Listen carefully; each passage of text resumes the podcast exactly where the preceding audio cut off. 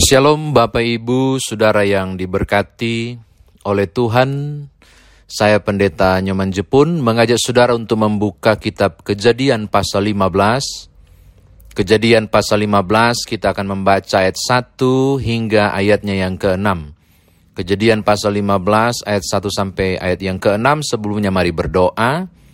Bapa Surgawi kami mau mendengarkan firman-Mu, tolonglah kami untuk memahami dan mengerti, lalu mengerjakan firman-Mu dalam kehidupan beriman kami. Amin.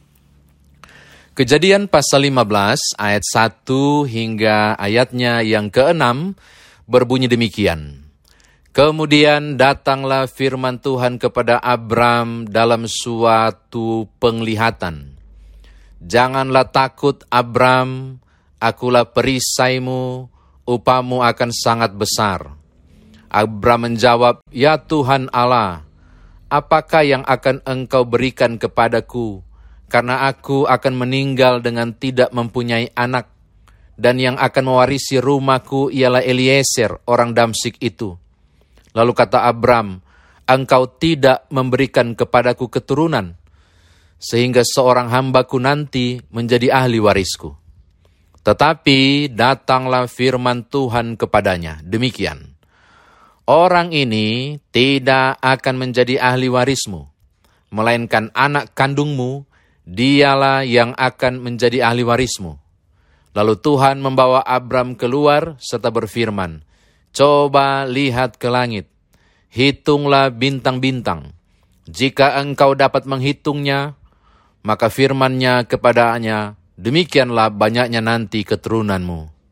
Lalu percayalah Abram kepada Tuhan, maka Tuhan memperhitungkan hal itu kepadanya sebagai kebenaran. Demikian firman Tuhan, saudara dan saya dikatakan berbahagia jika mendengarkan firman Tuhan ini, merenungkannya, memberitakannya, istimewa melakukan dalam kehidupan beriman kita. Bapak, Ibu, saudara kekasih dalam Tuhan, saya mau ajak saudara untuk membayangkan hal ini.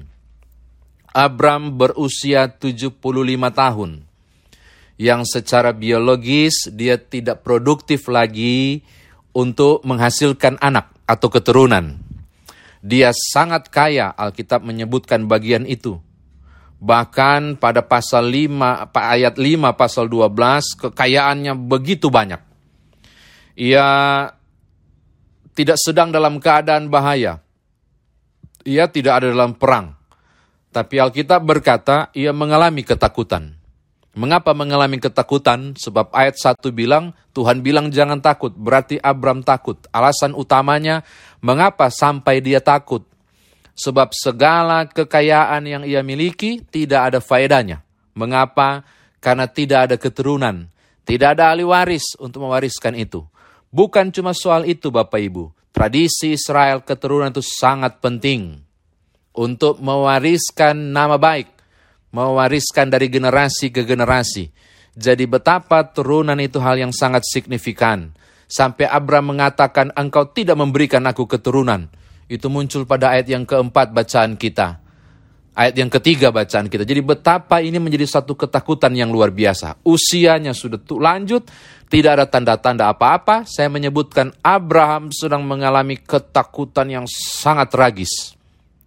Ia berada di titik nadir di kondisi inilah ayat 1 tiba-tiba muncul.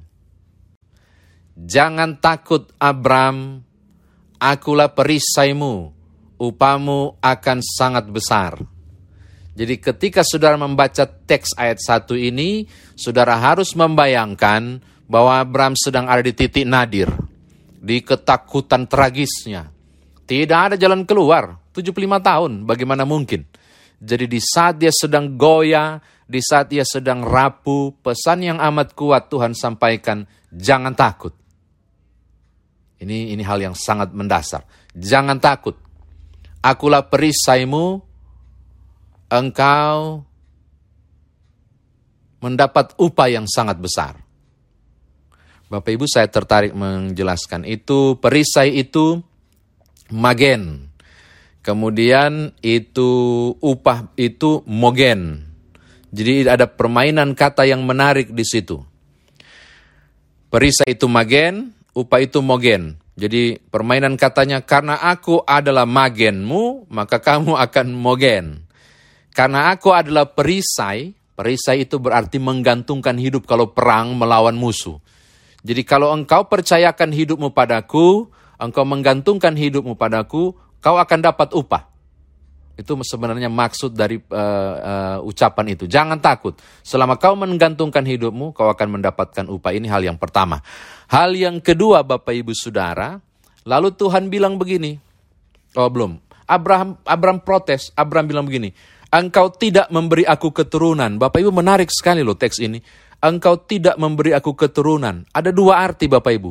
Dalam perspektif Abram, keturunan ini bukan soal hasil hubungan suami istri. Bukan. Ketika dia mengatakan engkau tidak memberi aku keturunan, dia mau bilang begini, bahwa keturunan itu adalah pemberian Allah. Bukan hasil hubungan suami istri. Tapi kehadiran seorang anak itu ditentukan apakah Tuhan mau kasih atau tidak, menjadi berkat. Jadi Abraham melihat keturunan itu adalah berkat, pemberian Allah. Jadi bukan sekedar hubungan suami istri. Di sisi yang lain juga Abraham mau mengaminkan hal yang sangat penting dia tidak dalam keadaan bahaya, dia memiliki kekayaan dan kenyamanan. Itu juga pengakuan bahwa itu sumber dari Tuhan. Jadi ketika dia mengungkapkan engkau tidak memberi aku keturunan ada dua aspek.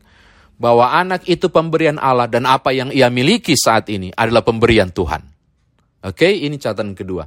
Yang ketiga Bapak Ibu, tiba-tiba Tuhan bilang, pergilah keluar. Lihatlah ke langit. Bisakah kau hitung bintang-bintang itu? Coba kau hitung semuanya, apakah kau bisa menghitungnya?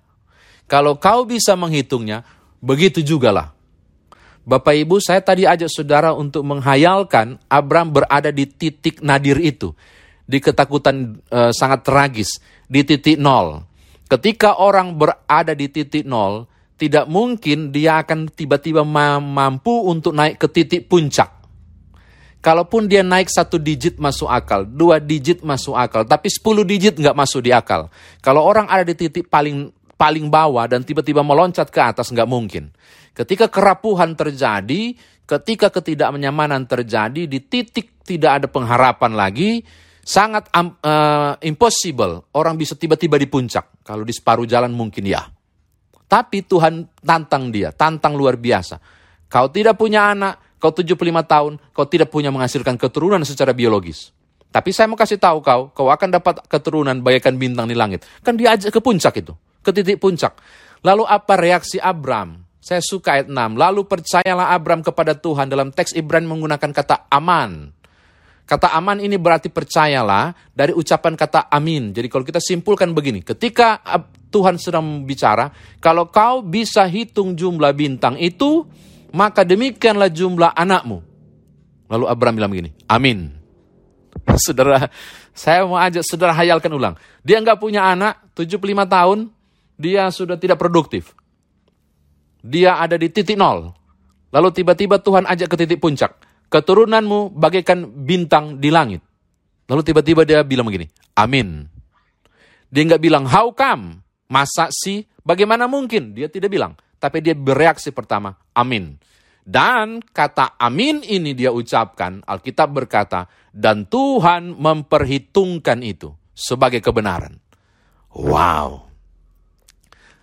Ukuran kepercayaannya kepada Allah yang Tuhan ukur menjadi kebenaran. Jadi mengapa Abram dibenarkan di hadapan Tuhan? Bukan karena kenyamanan dan dia percaya, Gampang orang untuk kemudian percaya dalam kenyamanan.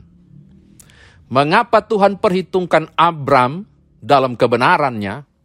Justru karena dia tidak nyaman, karena kondisi tidak kondusif, di titik nol dia, dia tetap percaya. Oh, jadi makanya saya selalu berkata, iman itu bukan sekedar percaya, tapi kemampuan mempercayakan hidup kepada Allah apa pun kondisiku. Dan Tuhan bilang, Abram, aku memperhitungkan itu sebagai kebenaran. Saya kira demikian firman Tuhan ditafsirkan bagi kita. Nah sekarang Bapak Ibu Saudara bagaimana kita bawa firman Tuhan ini dalam kehidupan beriman kita. Yang pertama Bapak Ibu Saudara,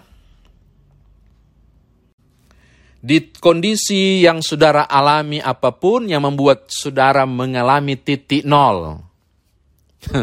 yang membuat saudara di suasana yang tidak nyaman. Saya tidak menyebut COVID.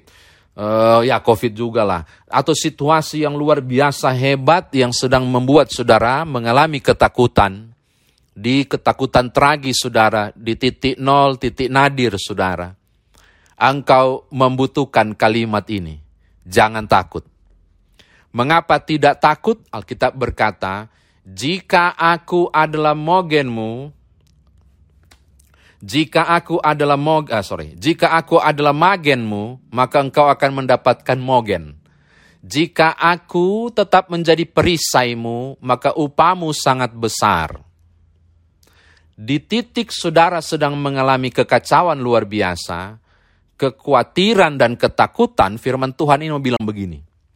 Engkau tidak akan jadi takut jika Tuhan tetap menjadi perisai. Mengapa? Ada upah. Ada sesuatu yang akan saudara terima. Saya ulangi, jika Tuhan tetap menjadi perisai, Tuhan menjadi tempat pergantungan hidup saudara, dan engkau tetap mengandalkan Tuhan di titik nol sekalipun, engkau akan mendapat upah. Dan ketakutan itu menjadi sirna. Oh ini penting.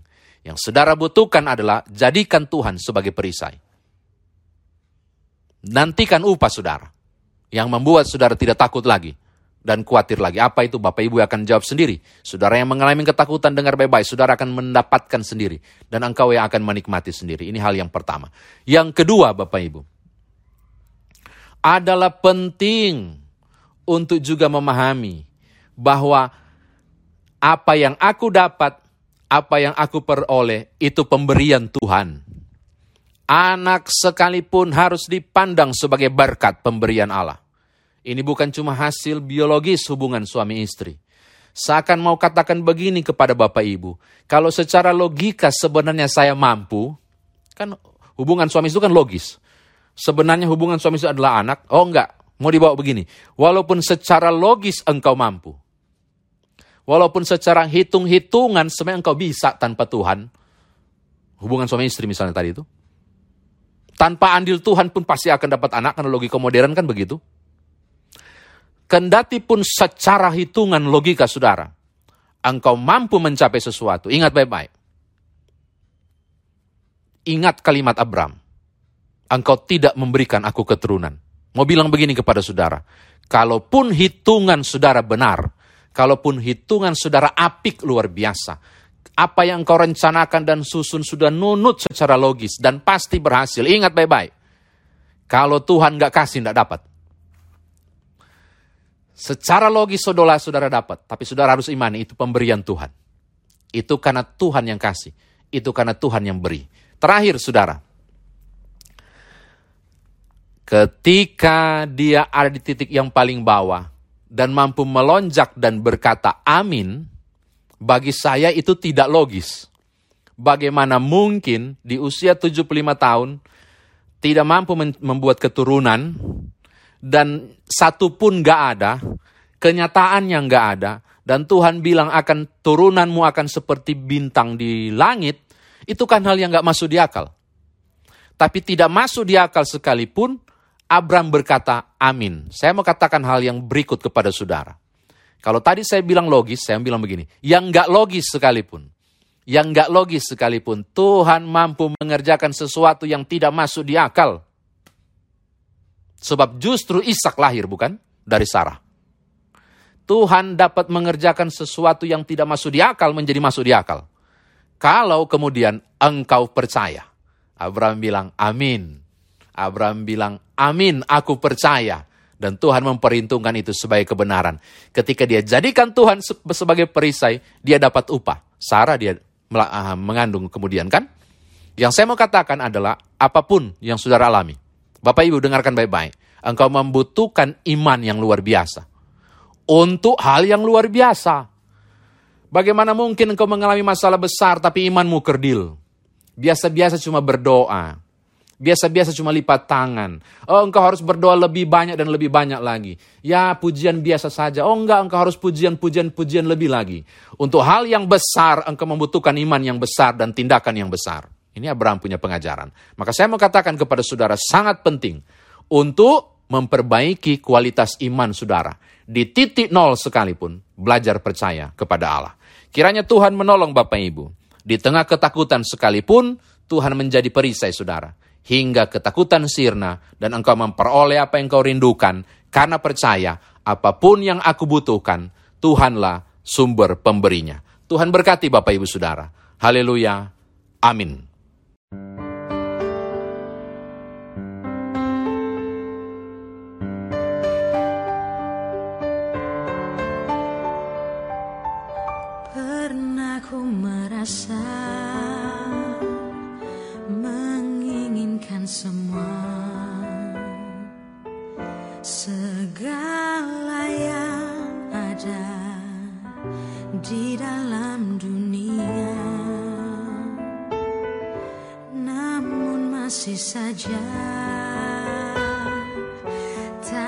Tak cukup